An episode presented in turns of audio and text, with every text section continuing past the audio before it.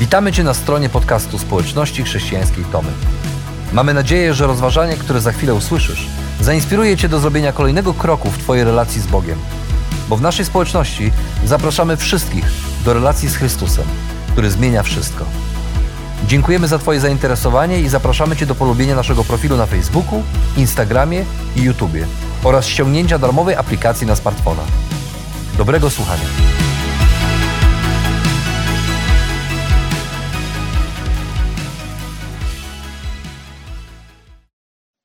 Tylko nie wychodź za linię. Takie słowa często słyszałem w przedszkolu, kiedy byłem e, rozkosznym maluchem, maluchem, który miał dwie lewe ręce. I zawsze, kiedy dostawałem obrazy do kolorowania, to było nie lada wyzwanie. Tylko nie wychodź za linię, mówiła pani przedszkolanka. Ale jak to nie wyjść za linię, kiedy kredka jest taka gruba, a linia taka cienka i wystarczy jeden nieopatrzny ruch ręką, żeby znaleźć się po tej niewłaściwej stronie linii. A wtedy w oczach przedszkolaka taki obrazek jest już kompletnie zepsuty i do niczego się nie nadaje. Z czasem jednak nauczyłem się rysować tak, żeby rzeczywiście za linię nie wychodzić, a nawet przekonałem się, że nawet jak się za tę linię wyjdzie, to zawsze można wziąć nowy obrazek i zacząć rysowanie od początku. Jednak w dorosłym życiu to nie zawsze jest takie proste. I to wychodzenie za linię często ma swoją cenę i swoje konsekwencje.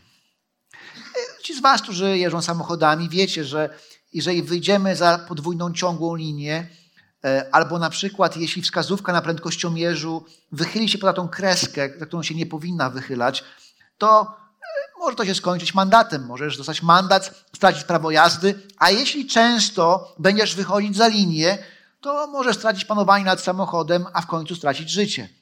Bo wychodzenie za linię często ma swoje konsekwencje i ma swoją cenę. Jednak chyba najbardziej bolesne i przykre jest, kiedy ktoś wychodzi za linię w relacjach. I to najbardziej boli. E, wiele lat temu, w czasie podróży, poznałem pewnego młodego człowieka i tak od słowa do słowa zaczęliśmy rozmawiać sobie o, o życiu, o świecie, też o jego życiu. I w jakimś momencie ta rozmowa stała się trochę bardziej poważna i pytam się, a jak z twoją rodziną? Masz rodzinę? A on, on w tym momencie zawiesił głos i mówi, no właśnie, no właśnie, e, niedawno kupiłem pierścionek zaręczynowy, żeby się oświadczyć mojej dziewczynie, ale zanim zdążyłem go jej dać, ona powiedziała mi, że poznała kogoś innego, że mnie zdradziła i że odchodzi. W tym momencie nie bardzo wiedziałem, co mam powiedzieć, bo co powiedzieć w takich sytuacjach, ale tak to już jest, że kiedy ktoś w relacjach wychodzi za linię, to powoduje ból i cierpienie, i to wychodzenie ma swoją cenę i ma swoje konsekwencje. I tak jest w relacjach z ludźmi, ale też podobnie tak jest w relacji z Bogiem, że wychodzenie za linię ma swoje konsekwencje i ma swoją cenę. I tak naprawdę ta historia wychodzenia za linię jest stara jak świat, bo wszystko zaczęło się w ogrodzie Eden, kiedy pierwsi ludzie postanowili po raz pierwszy przekroczyć tą linię, którą Bóg zakreślił i sięgnęli po zakazany owoc. A potem kolejne pokolenia pisały swoje własne scenariusze wychodzenia za linię aż doszło do tego, że naród izraelski znalazł się w sytuacji w swojej historii, kiedy też zaczął zastanawiać się, a jak to jest po tej drugiej stronie, drugiej stronie linii? A co jest za linią? I to ciekawe, bo nie pomogło nawet to, że dopiero co widzieli, jak Bóg plagami pustoszył Egipt i pokazał im, że to On jest jedynym prawdziwym Bogiem. Nie pomogło, że dopiero co Bóg przeprowadził ich przez Morze Czerwone i pokazał im, że to On jest Bogiem, który zbawia i ratuje. I nie pomogło im, że dopiero co jedli mannę z nieba, przepiórki i wodę ze skały i Bóg pokazał im, że jest Bogiem, który jest troskliwy, który się o nich troszczy, jest dobry. Nie pomogło im też to, że widzieli górę Synaj, która płonęła, kiedy Bóg się objawił na tej górze i pokazał im, że On jest święty. Nic nie pomogło. Możesz poszedł na górę Synaj, rozmawiać z Bogiem. Tam Bóg ogłosił swoje prawo, swoje przykazania. A potem Mojżesz z tej góry zszedł, te przekazania przekazał narodowi izraelskiemu i była ta niesamowita ceremonia zawarcia przymierza pomiędzy Bogiem a ludem. I Mojżesz zdobył 12 pomników, które reprezentowały, reprezentowały 12 pokoleń izraelskich. A więc z jednej strony były te pomniki kamienne, a z drugiej strony góra Synaj, na, na której Bóg manifestuje swoją obecność. spotkanie Boga i ludzi, a pośrodku postawił ołtarz, na którym złożył ofiary całopalne, co było częścią ceremonii zawarcia przymierza, bo przymierze w Starym Testamencie to najbardziej święta, nierozerwalna relacja, jaką może połączyć dwie strony. Przymierza nie można e, zrywać, a kto je zrywa, ten naraża się na konsekwencje. Konsekwencją tego jest śmierć. Więc Mojżesz złożył ofiary i pokropił krwią zarówno ołtarz, jak i lud, na znak tego, że teraz połączeni są przymierzem krwi. A kto złamie przymierze, na tego głowę spadnie jego własna krew. A potem Mojżesz odczytał wszystkie prawa i przepisy, które były podstawą, fundamentem przymierza. A potem ludzie jedli, ucztowali. I ten posiłek też był częścią tej ceremonii. I od tego momentu naród izraelski stał się narodem Boga, a Bóg stał się Bogiem Izraela. Te dwie strony zostały połączone związkiem przymierza. A potem Mojżesz po raz kolejny wchodzi na górę, bo Bóg postanowił dać mu kamienne tablice z dziesięcioma przykazaniami, które wcześniej ogłosił. Tą najważniejszą część przymierza. I kiedy Mojżesz był na górze, to przez jakiś czas nie wracał. 40 dni nie wracał, go nie było. I ludzie zaczęli się niecierpliwić. I czytamy, tymczasem w obozie zauważono, że Mojżesz opóźnia zejście z góry. Ludzie więc przyszli do Arona i zażądali: Wstań i zrób nam jakichś bogów. Niech oni nas poprowadzą, bo nie wiemy, co się stało z tym Mojżeszem, który wywiódł nas z ziemi egipskiej. Aaron odpowiedział: Pozdejmujcie zatem kolczyki z uszu waszych żon, synów i córek i przynieście je do mnie. Tak też się stało. Każdy, kto miał kolczyki, odpiął je, przyniósł do Arona. On zaś zebrał je, przygotował formę i zrobił odlew cielca. Wtedy zawołali: Oto twoi bogowie Izraelu. Oni cię wyprowadzili z ziemi egipskiej. Gdy Aaron to zobaczył, zbudował przed cielcem ołtarz i obwieścił: Jutro będzie święto na cześć Pana. Nazajutrz stali wcześniej rano, złożyli ofiary całopalne i przynieśli ofiary pojednania. Lud zasiadł do jedzenia i picia, a potem wstali, aby się bawić. Oto Mojżesz nie wraca z góry i Bóg też się nie odzywa. I trudno się wielbić takiego Boga, którego nie widać, a czasami też nie słychać i milczy. Zresztą Mojżesza też nie ma, tego, który go reprezentuje. Więc lud postanowił, że sami sobie zrobią swoich własnych bogów. I to, nie, to ciekawe, że kiedy czytamy tę historię, to przed tą historią Bóg Mojżeszowi opowiedział, w jaki sposób chce, aby był uwielbiany, w jaki sposób chce, aby oddawać mu cześć, że e, chce zamieszkać w namiocie zgromadzenia pośród swojego ludu. I jak to ma wyglądać? Kiedy czytamy poprzednie rozdziały, to tam znajdujemy tą Bożą wizję uwielbienia, oddawania Bogu chwały. Ale Izraelici mieli swoją wizję i mieli swój pomysł. Ich umysły były pełne pogańskich wspomnień z Egiptu. Oni mieszkali w Egipcie i Egipt był w ich głowach. Mieli egipski sposób myślenia, egipski sposób postrzegania Boga i egipski sposób uwielbiania. Oni chcieli wielbić Boga po egipsku. Więc przyszli do Aarona, przynieśli i poprosili go, aby zrobił im Boga. Mówi, zrób nam bogów, którzy nas wyprowadzili z Egiptu. A potem przynieśli swoje kolczyki, swoje złoto, a Aaron wziął to wszystko, zrobił formę i odlał cielca, który wygląda tak jak bogowie Egiptu. I tak do końca nie wiemy, czym był ten cielec. Czy to był jakiś nowy Bóg, którego on im wymyślił, czy to była wizja, czy wizerunek Boga, tego Boga, który ich wyprowadził z ziemi egipskiej, Boga Jahwe. Czy, czy złamali w ten sposób przykazanie, które mówiło, nie będziesz czcił innych bogów, nie będziesz miał innych bogów obok mnie? Czy przykazanie, które mówiło, nie będziesz czynił wizerunku Boga? Po z jednej strony tekst mówi, oni domagali się, zrób nam bogów, czyli coś nowego. Ale z drugiej strony czytamy, że Aaron obwieścił, że jutro będzie święto na cześć Pana, na cześć Jahwe, co może wskazywać na to, że to był jakiś wizerunek tego Boga, jedynego Boga, którego mieli czcić. Ale jakkolwiek by nie było, to tym, co zrobili, złamali przymierze z Bogiem. Przymierze, które dopiero co zawarli. Bo Bóg powiedział: Ja was wyprowadziłem z domu, z Egiptu, z domu niewoli. A oni patrząc na złotego cielca powiedzieli: Oto bogowie Izraelu, których wyprowadzili cię z Egiptu. Chwilę wcześniej składali ofiary Bogu jako część zawarcia przymierza, a teraz składają ofiary przed pogańskim, przed złotym cielcem. Chwilę wcześniej ucztowali i jedli na cześć Boga. To była część zawarcia przymierza. A teraz robią dokładnie to samo. Jedzą i ucztują i bawią się, ale robią to dla złotego cielca. Zerwali przymierze. To jest tak, jakby wstąpili w związek małżeński, a nie ponad dwa miesiące później w kolejny. I gdyby ich zapytać, czemu tak zrobili? Czemu tak postąpili? Być może mieliby swoje powody, być może powiedzieliby, no bo ciężko wielbi się Boga, którego nie widać, który jest niewidzialny, który jest nienamacalny, nieokreślony, który e, czasami milczy i nie odpowiada, który jest tajemnicą. No w Egipcie to była inna sprawa. Chciałeś się spotkać z Bogiem, to miałeś do wyboru całe mnóstwo świątyń. Mogłeś pójść sobie, wybrać, do której świątyni chciałeś pójść. I tam mogłeś spotkać się z Bogiem twarzą w twarz. Trada to była kamienna twarz jakiegoś posągu, no ale zawsze mogłeś się z nim spotkać. Tego Boga mogłeś zobaczyć, a nawet czasami dotknąć.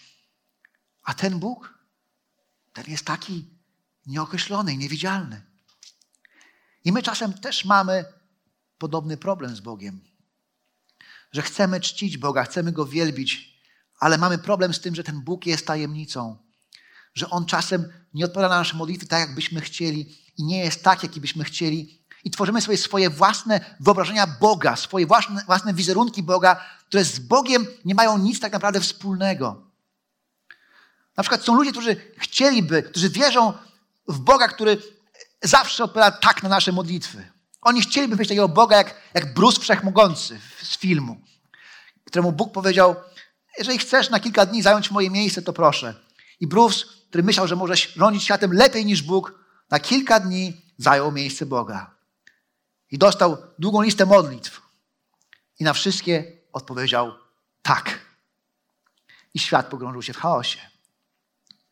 I są ludzie, którzy wierzą, że jeśli jesteś Bożym dzieckiem, a dobry Bóg jest Twoim ojcem, to musisz być zdrowy, bogaty i szczęśliwy. A jeśli, jeśli jest choroba w Twoim życiu albo jakieś nieszczęście, to, to albo jest problem z Tobą, albo być może musisz się mocno modlić i Bóg natychmiast to usunie, ponieważ chrześcijanin nie może chorować. Tworzą sobie obraz Boga, który ma niewiele wspólnego z rzeczywistością, który okazuje się, taki Bóg, choć może być piękny, to nieprawdziwy, bo jest wymyślony. I ten obraz Boga prowadzi do rozczarowań. Tak jak było w przypadku młodego chłopaka, o którym opisuje Filipiensy w jednej ze swoich książek. Pisał o młodym człowieku, który, który gdzieś tam zmagał się ze swoją relacją z Bogiem. Zastanawiał się, jaki ten Bóg jest. Aż pewnego razu trafił na nabożeństwo, na takie spotkanie, na którym modlono się o chorych, o uzdrowienia. I prowadzący powiedział, że Bóg uzdrawia zawsze i wszystkich, każdego, kto tylko o to poprosi. I przyniesiono człowieka, który cierpiał na nowotwór płuc. Lekarze dawali mu od kilku tygodni do kilku miesięcy życia. On już praktycznie nie chodził albo chodził bardzo słabo. Pomodlono się o niego i on wstał. Wstał i zaczął chodzić. I ten młody człowiek, taki zainspirowany tym wszystkim, o, oto Bóg, prawdziwy Bóg, coś zrobił. Poprosił go o jego imię, nazwisko i numer telefonu. Kilka, dni, kilka tygodni później zadzwonił, żeby zapytać się, jak się czuje. Odebrała jego żona. Jedyne, co powiedziała, to to, że mój mąż umarł.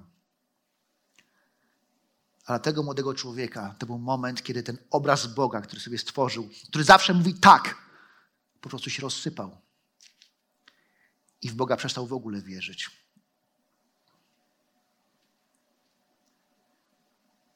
Bo tak to już jest, że wszystko w naszym życiu zależy od tego, jaki mamy obraz Boga. Czy on jest odzwierciedleniem tego, co znajdujemy w Bożym Słowie, czy on jest wymyślony przez nas samych. Kiedy Izraelici weszli w mierze z Bogiem i czcili prawdziwego Boga, to całe ich życie obracało się wokół Boga, tego, który ich wyprowadził z Egiptu.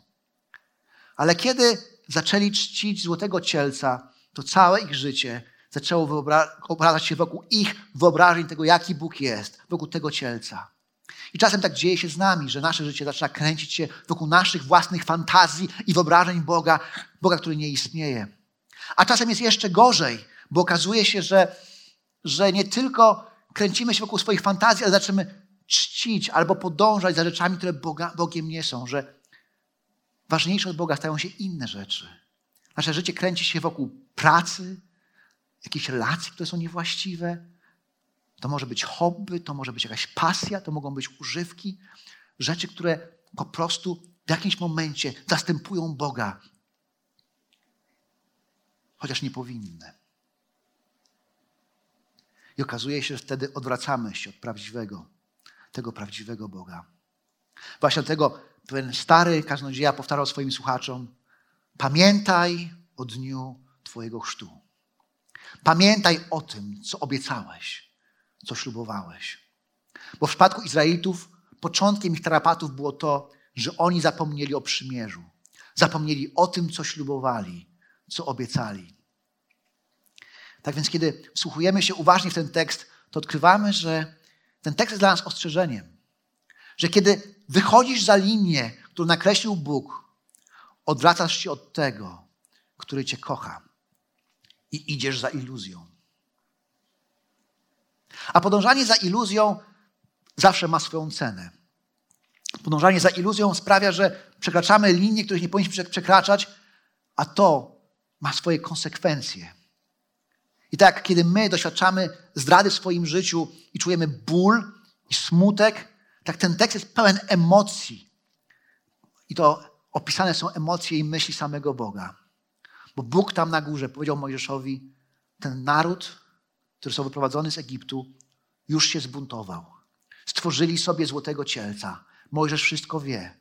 I wtedy Bóg powiedział tak. Przyjrzałem się temu ludowi, dodał Pan. Widać wyraźnie to lud twardego karku. Pozostaw mnie teraz. Niech zapłonie mój gniew przeciw nim. Zniszczę ich. Ciebie uczynię wielkim narodem. Oto Bóg mówi: koniec. Konsekwencją grzechu jest śmierć. Konsekwencją złamania przymierza jest śmierć. Jeżeli odcinasz się od wiecznego Boga, który jest święty i dawcą życia, to skazujesz się na śmierć, bo odcinasz się od życia. Ale Mojżesz mówi, Boże, nie niszcz ich. Nie niszcz ich, bo, bo co, co powiedzą inne narody, które to zobaczą? Wyprowadziłeś ich z Egiptu na pustynię po to, żeby ich pozabijać?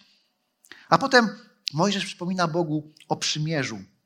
I mówi tak, wspomnij Abrahama, Izaaka i Izraela, swoje sługi. Przysiągłeś im przecież na siebie samego. Rozmnożę wasze potomstwo jak gwiazdy na niebie, a całą tę ziemię, o której mówiłem, dam waszemu potomstwu, aby ją posiedli na wieki. I Pan zlitował się nad swoim ludem, odstąpił od zamiaru dotknięcia go nieszczęściem. Mojżesz mówi, tak, to prawda, oni złamali przymierze, tak, to prawda, nie byli wierni, ale ty przypomnij sobie, pamiętaj o tym, że ty przysiągłeś na siebie samego. Boże, ty zawsze jesteś wierny swoim obietnicom. I Bóg mówi, dobrze, nie zniszczę całego narodu. I Mojżesz schodzi z góry. I kiedy schodzi z góry, słyszy śpiew, i to nie jest śpiew na cześć Boga, ale na cześć złotego posągu. Kiedy schodzi na tyle nisko, że może zobaczyć, co się dzieje, i widzi ten rozmiar tego odstępstwa, tego rozpasania, widzi zabawę, którą bibliści opisują jako orgię, bo tak czczono pogańskich bogów w tamtym czasie. Jestem tak oburzony, i zaczyna odczuwać ten sam gniew, który wcześniej czuł Bóg, że bierze te kamienne tablice, pisane palcem samego Boga, podnosi je do góry i roztrzaskuje, bo przymierze zostało złamane. Po co prawo, kiedy oni już to prawo złamali, złamali przymierze z Bogiem. A potem bierze tego złotego cielca, rozbija go na kawałki, ściera go na proch, miesza go z wodą i daje im do picia i mówi: Zobaczcie, zobaczcie, jak smakuje wasz grzech, wasza niewierność. I patrzy na Arona i mówi, dlaczego to zrobiłeś? Jak mogłeś na to pozwolić? A Aaron mówi, no oni przynieśli swoje kolczyki, e, poprosili mnie, żebym zrobił posąg, ja stopiłem, no i tak powstał ten cielec. Tak jakby to się samo stało. A potem Mojżesz, widząc ten rozmiar odstępstwa i to, co się dzieje, mówi, kto jest za Bogiem, niech stanie przy mnie. I to jest ciekawe w tym opisie, że ze wszystkich dwunastu plemion tylko jedno plemię, plemię Lewiego, stanęło przy Mojżeszu. Reszta nie była zainteresowana. Złamali prawo, złamali przymierze i nie byli zainteresowani tym, aby się zmienić. I Mojżesz mówi, a teraz przejście, plemię, plemię Lewiego, Lewiego mówi, przejście przez, przez obóz, w to i z powrotem i zabijcie wszystkich, których spotkacie. I przeszli. I tego dnia zginęło trzy tysiące ludzi. Bo konsekwencją złamania przymierza jest śmierć. Bo konsekwencją grzechu jest śmierć. I ta historia tak bardzo dobitny, namacalny, obrazowy sposób pokazuje, jakie spustoszenie powoduje grzech w życiu człowieka. I my tego też doświadczamy. Być może nie tak natychmiastowo, być może nie tak od razu, nie tak drastycznie, ale tego też doświadczamy, że kiedy odwracamy się od Boga i zaczynamy podążać za czymś albo za kimś, to Bogiem nie jest, to wcześniej czy później to coś albo ten ktoś będzie chciał spustoszenie w naszym życiu.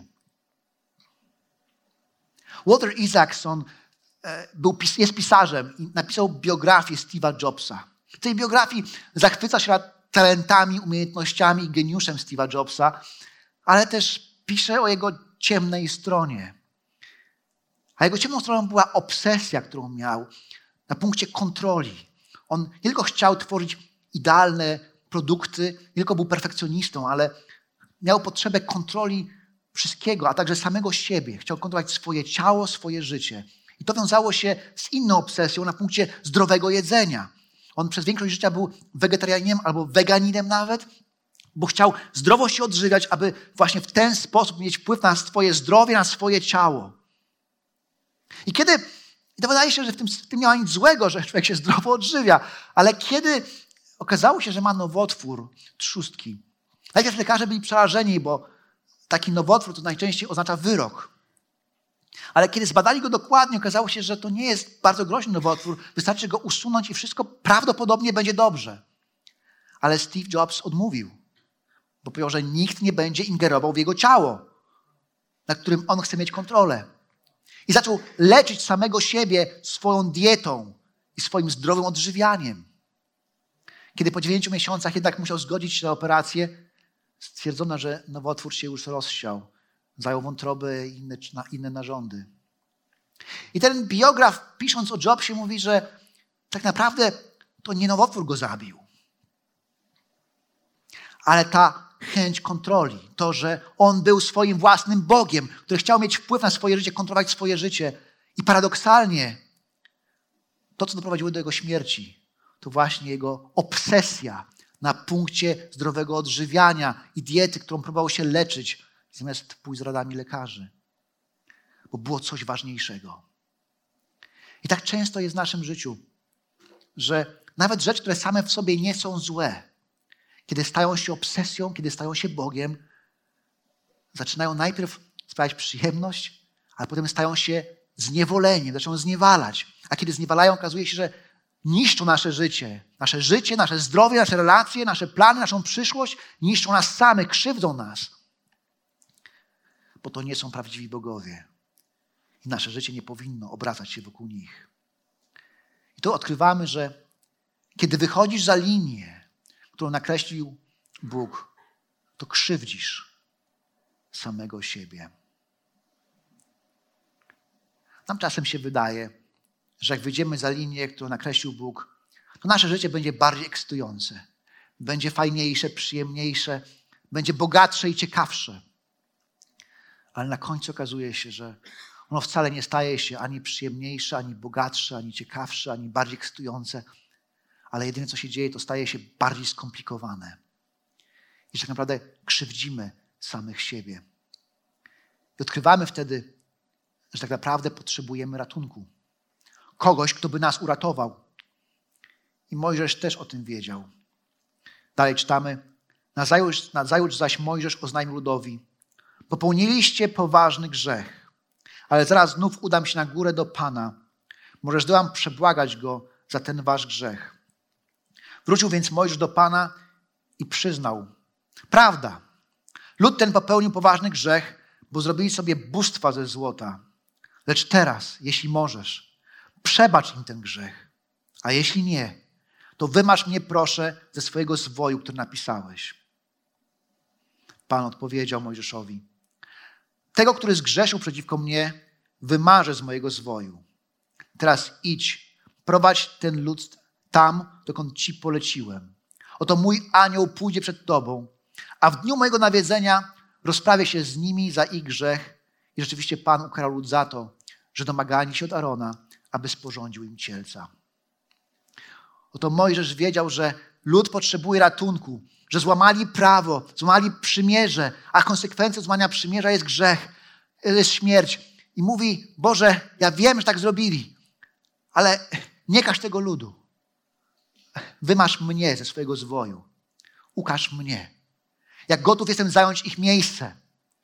Ale prawda jest taka, że Mojżesz nie mógł zająć ich miejsca, bo on sam przecież był grzesznikiem, tylko człowiekiem. Mojżesz nie mógł być pośrednikiem między Bogiem a ludem, nie mógł być ofiarą za lud. Ale ten Bóg, który jest tutaj pokazany jako Bóg, który jest sprawiedliwy, też jest Bogiem łaskawym i dobrym. I ten Bóg daje kolejną szansę, mówi: Poprowadzę was dalej i będę obecny. A dalej czytamy o tym, jak Bóg odnawia to przymierze, które zerwali. Jednak to, co Mojżesz gotów był zrobić dla narodu izraelskiego, to Jezus Chrystus zrobił dla każdego z nas. Bo my wszyscy mamy swoją historię wychodzenia za linię. My wszyscy, każdy na swój sposób, wyszliśmy za linię. Przekroczyliśmy linię dobra i zła. I być może siedzisz tutaj i myślisz sobie, że jesteś tak daleko za linią, że nawet nie wiesz, jak wrócić. Ale Jezus Chrystus dwa tysiące lat temu przyszedł na ten świat, aby oddać swoje życie za nasze grzechy, za nas. Bo On nigdy grzechu nie popełnił. On stanął przed Bogiem i powiedział: Boże, ukaż mnie. Ja poniosę konsekwencje. Ja zajmę ich miejsce. Oddam swoje życie za nich. Bo zapłatą za grzech jest śmierć. Ktoś musi zapłacić tą cenę. Wychodzenie za linię zawsze kosztuje. I w tym wypadku Bóg gotów był sam ponieść cenę, abyśmy my mogli żyć. Dlatego my nie musimy ponosić konsekwencji swoich grzechów, nie musimy doświadczać Bożego sądu ani gniewu, bo Jezus Chrystus za nas umarł, aby dać nam nowy początek, abyśmy mogli zacząć jeszcze raz inaczej, ale z Nim. A więc, kiedy wsłuchujemy się w tę historię uważnie, to odkrywamy, że my przekroczyliśmy linię dobra i zła. Dlatego Chrystus przekroczył linię życia i śmierci, abyśmy mogli żyć wiecznie.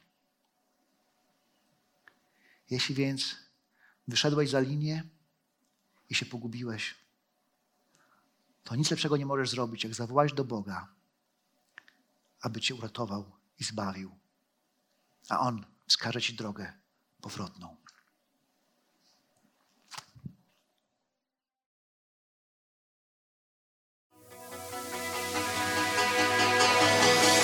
Jeszcze raz dziękujemy za wysłuchanie naszego rozważania. Jeżeli mieszkasz w okolicach Tomaszowa Mazowieckiego lub Łodzi, zapraszamy Cię do odwiedzenia nas na niedzielnym nabożeństwie. Więcej informacji znajdziesz na stronie schatomy.pl.